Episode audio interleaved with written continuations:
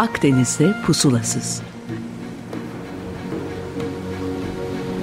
İnsan, tarih ve deniz.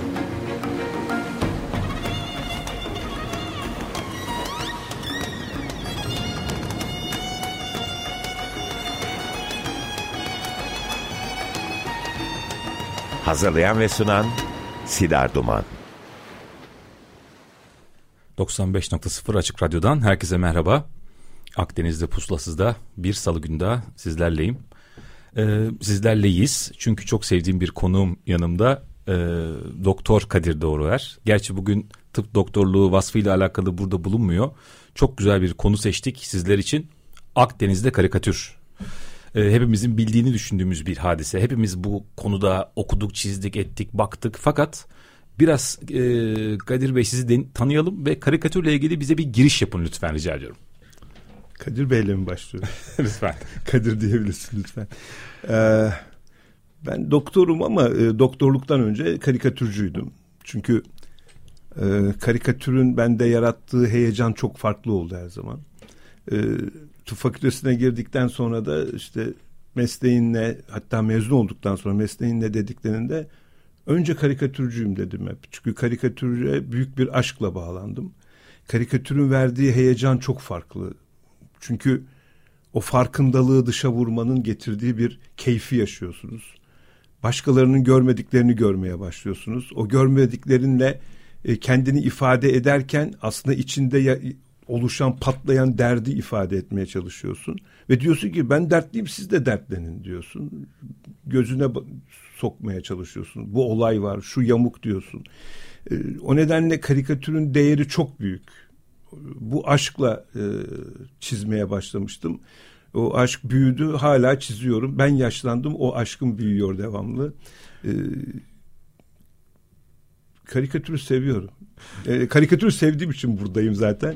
E, doktor olarak çok yani iyi şeyler yaptım mı bilmiyorum ama e, karikatürle en azından e, bir şeyleri ifade edebildiğimi, geleceğe kalabildiğimi düşünüyorum.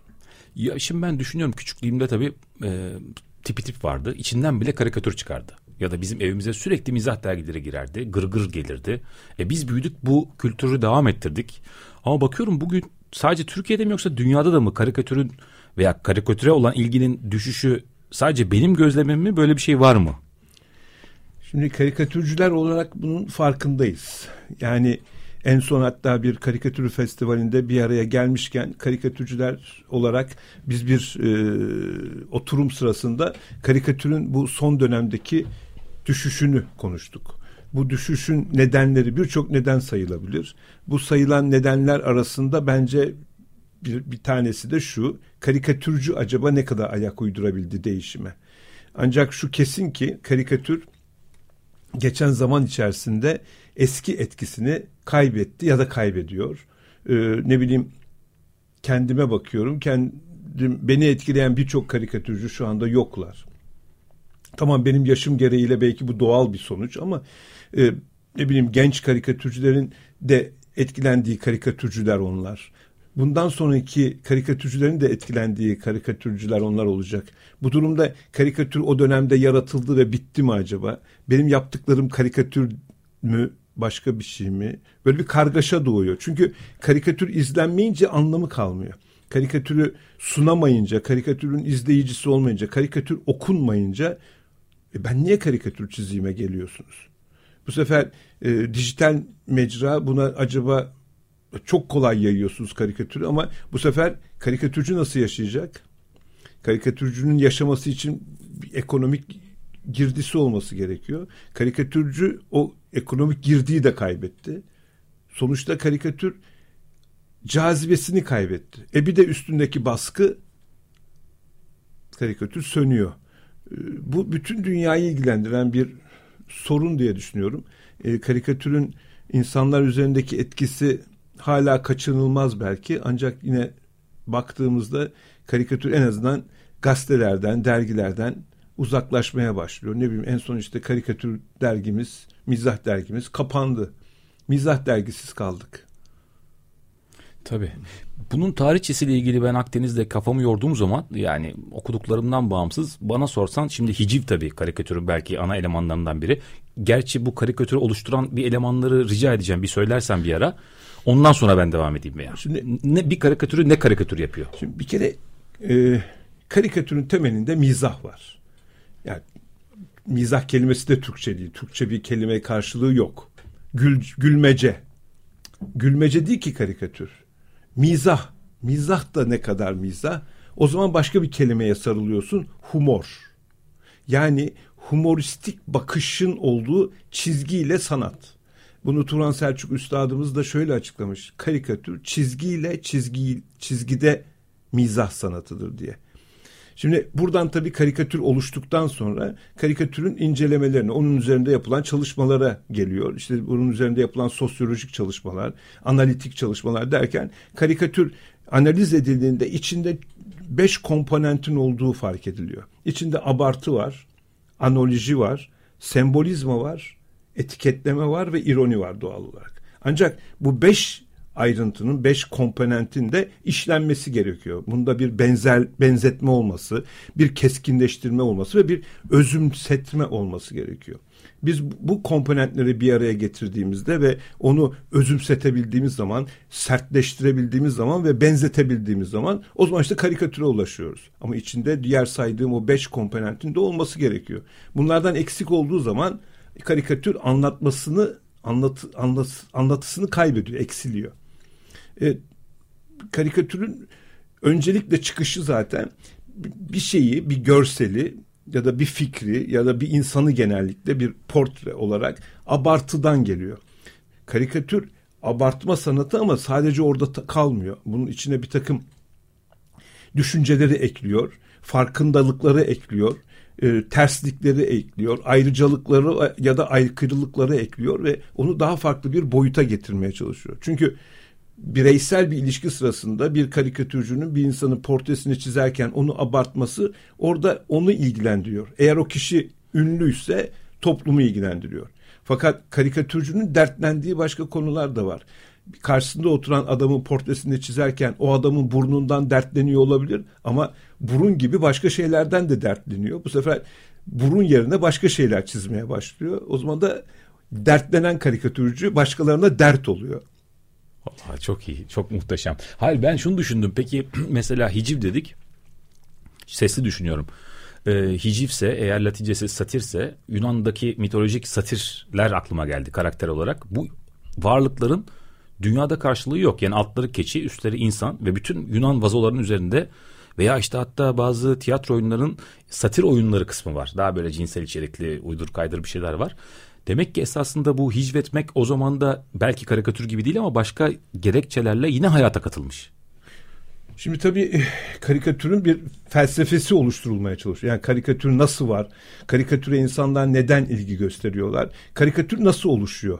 Neden karikatür bir e, etkileyici bir imge haline geliyor? Buradan e, bir felsefik bir terim var. Simulacrum deniyor. Simulacrum e, işte Wikipedia'daki tanımı şöyle.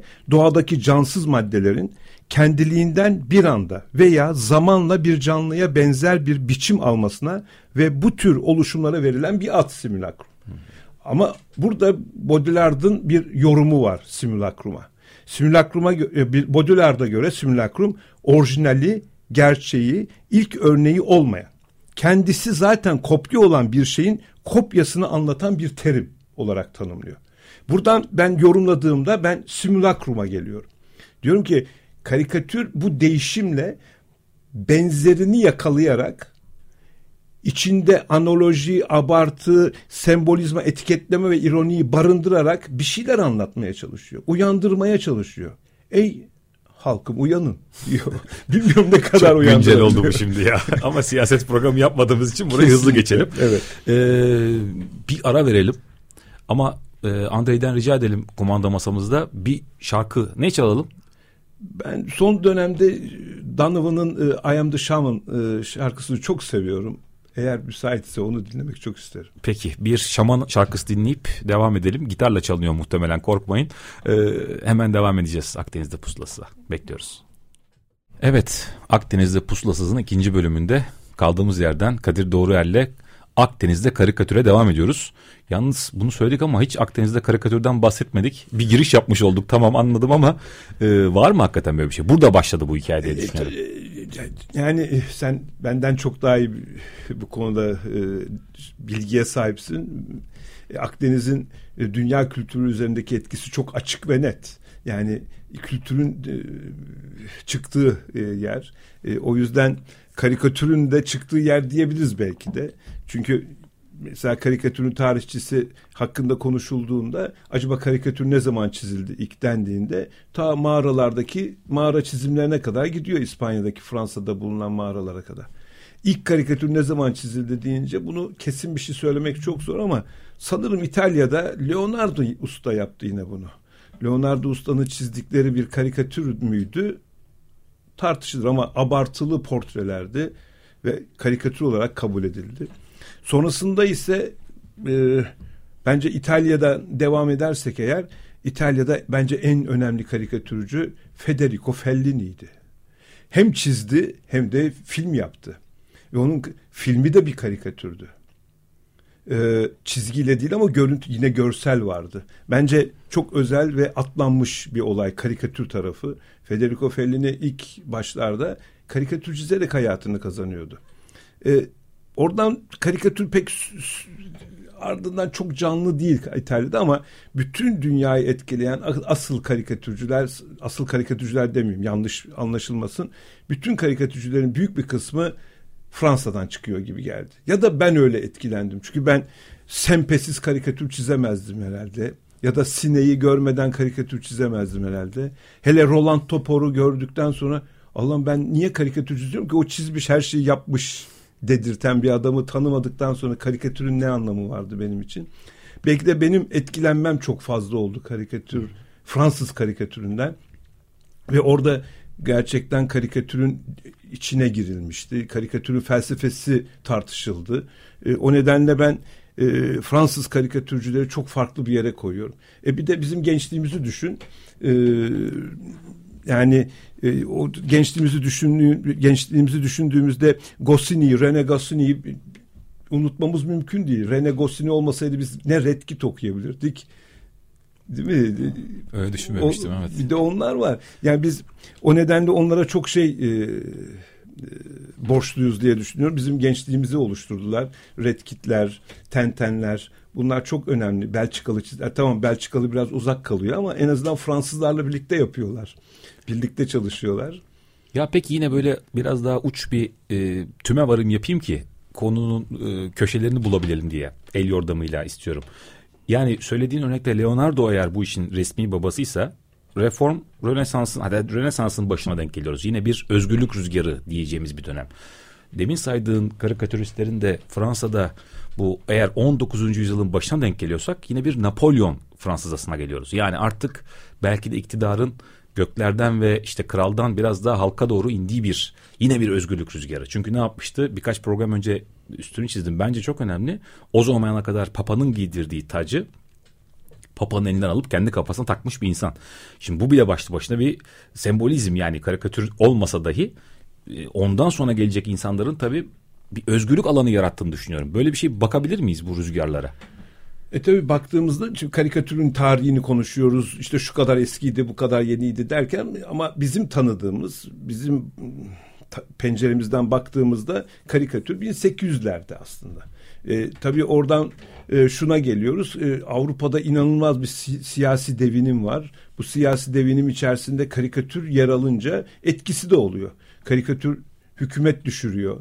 Ne bileyim hükümeti iktidara getiriyor. Yasaklanıyor. Tartışabiliyor, yasaklanıyor. Dergiler toplanıyor. Müthiş aktif. Çünkü e, inanılmaz bir iletişim aracı olarak kullanılıyor karikatür. Ve karikatür o anda gücünü de devam ettiriyor. Ve o dönemde bakıyorum en önemli karikatürcüler 1850 ile 1950 arasında yaşamışlar. Ve gerçekten etkileyen karikatürcüler. Ee, şimdi karikatür etkili değil mi? Şimdi bu açıdan baktığımda şu anda dünyayı etkileyen bir karikatür alanı var. Bu karikatür alanı da yine Fransa Charlie Hebdo. Onu soracaktım. Şu anda ben de kafamda o vardı. Nasıl Şey- bakmalıyız? Ya şimdi bir şey- amatör olarak ben özgürlükten yana da bir insan olarak bunun da bir sınırı olmalı mı sorusunu bana ilk sorduran bu e, mizah dergisiydi. Yani bu kadar da mı? Bu kadar mı e, pervasız çizilebilir?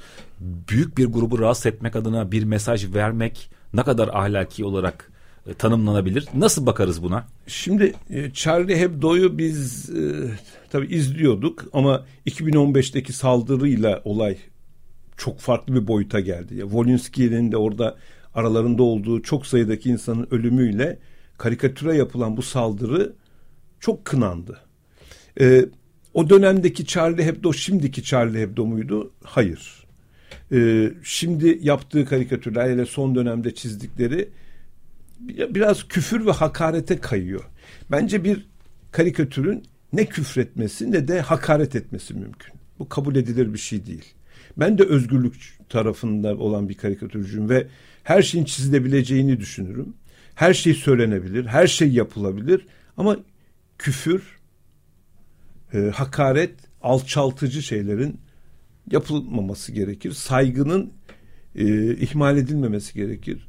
Bir kere şunun da unutulmaması gerekir. Karikatür naif bir sanattır ve bir inceliği vardır. O inceliğin kaybedilmemesi gerekir. Karikatüre saygı duyarken karikatüre konu ettiğimiz konuya da saygı duymalıyız. Bu saygıyı ihmal etmemeliyiz. Bize saygı gösterilmesini istiyorsak biz de saygı göstermeliyiz. Çok iyi anladım. Peki bir, bir son son belki de bilmiyorum zamanımız ne kadar kaldı onu kontrol edeceğim ama e, bu seçimli otoriterliğin tüm dünyada yayılmasına paralel olarak baktığımızda yani insanlar daha otoriter bir yaşamı seçtikçe sadece Türkiye örneğinden bahsetmiyorum. Karikatür bundan nasıl etkileniyor? Yani karikatürist bundan sabah kalkıp ne olursa olsun içinde farkında veya değil bir korku duyuyor mu? Bu kalemine yansıyor mu? Bu, bu nasıl olmalı veya? Şimdi ben karikatüre başladığımda e, büyük ustaları izliyoruz, takip ediyoruz ve o dönem demir perde denilen bir tanım var. Orada ciddi bir baskı rejimi var ve demir perde ülkelerinde olağanüstü karikatürcüler var. Diyoruz ki ne güzel şeyler çiziyorlar. Polonya, Macaristan, Romanya, bu Rusya diyoruz ki biz onlar gibi çizemiyoruz. Neden diyorlardı ki ustalarımız? Orası baskı rejimleri. Baskı rejiminde karikatür parlar. E peki şimdi de farklı bir baskı rejimi var. Daha da vuruyorlar. Neden karikatür sönüyor? Oradan geldiğimde düşünüyorum. Orada bir şey söyleyebilme hakkımız vardı belki. İnsanlar söylüyorlardı. Bir de insanların e, beklentileri değişmiş, değil, farklıydı. Şimdi kapitaliz, kapitalistik e, düzenin daha da ağırlaşması, iyice böyle kökleşip oturması, insanların üzerine oturması ve insanların beklentilerinin çok çok çok artması nedeniyle o beklentilerinden e, imtina edemiyor. E, ne bileyim çocuğunu, kendisini daha çok düşünüyor. Ne bileyim arabasını düşünüyor, evini düşünüyor. Birçok şey onları kaybederse diye düşünüyor herhalde. Bu bir yorum. Yanlış olabilir. Benim gördüğüm sanki insanlar kaybedecekleri şeyler arttığı için korkuları da arttı. Baskılar daha farklı boyuta geldi. Vazgeçti. Ee, kazanacaklarım dedi. Odasına saklandı. Başıma bir şey gelmesin aman dedi. Bir iki fedai var tabii ki hala. Ee, ancak herhalde korkuyoruz. Çok daha fazla korkmaya başladık. Valla inanması güç olsa da programın sonuna gel- geldik. Gelmişiz. Ee, işaretler o şekilde.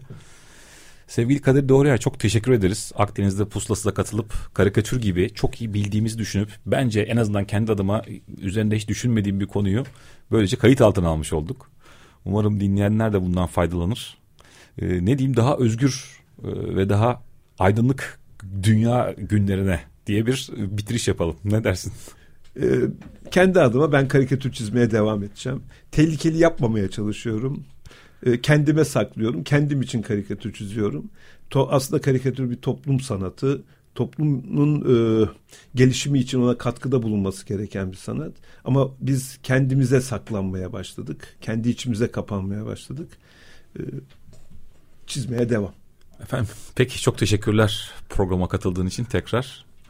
Evet 15 gün sonra tekrar burada belki de bir Mısır konusuyla Akdeniz'in belki de başkenti diyebileceğimiz Mısır'la ilgili bir program yapma vaadiyle kendimi de bağlayıp size hoşçakal dileyim ee, sevgili dinleyiciler. Açık Radyo ile kalın. Hoşçakalın.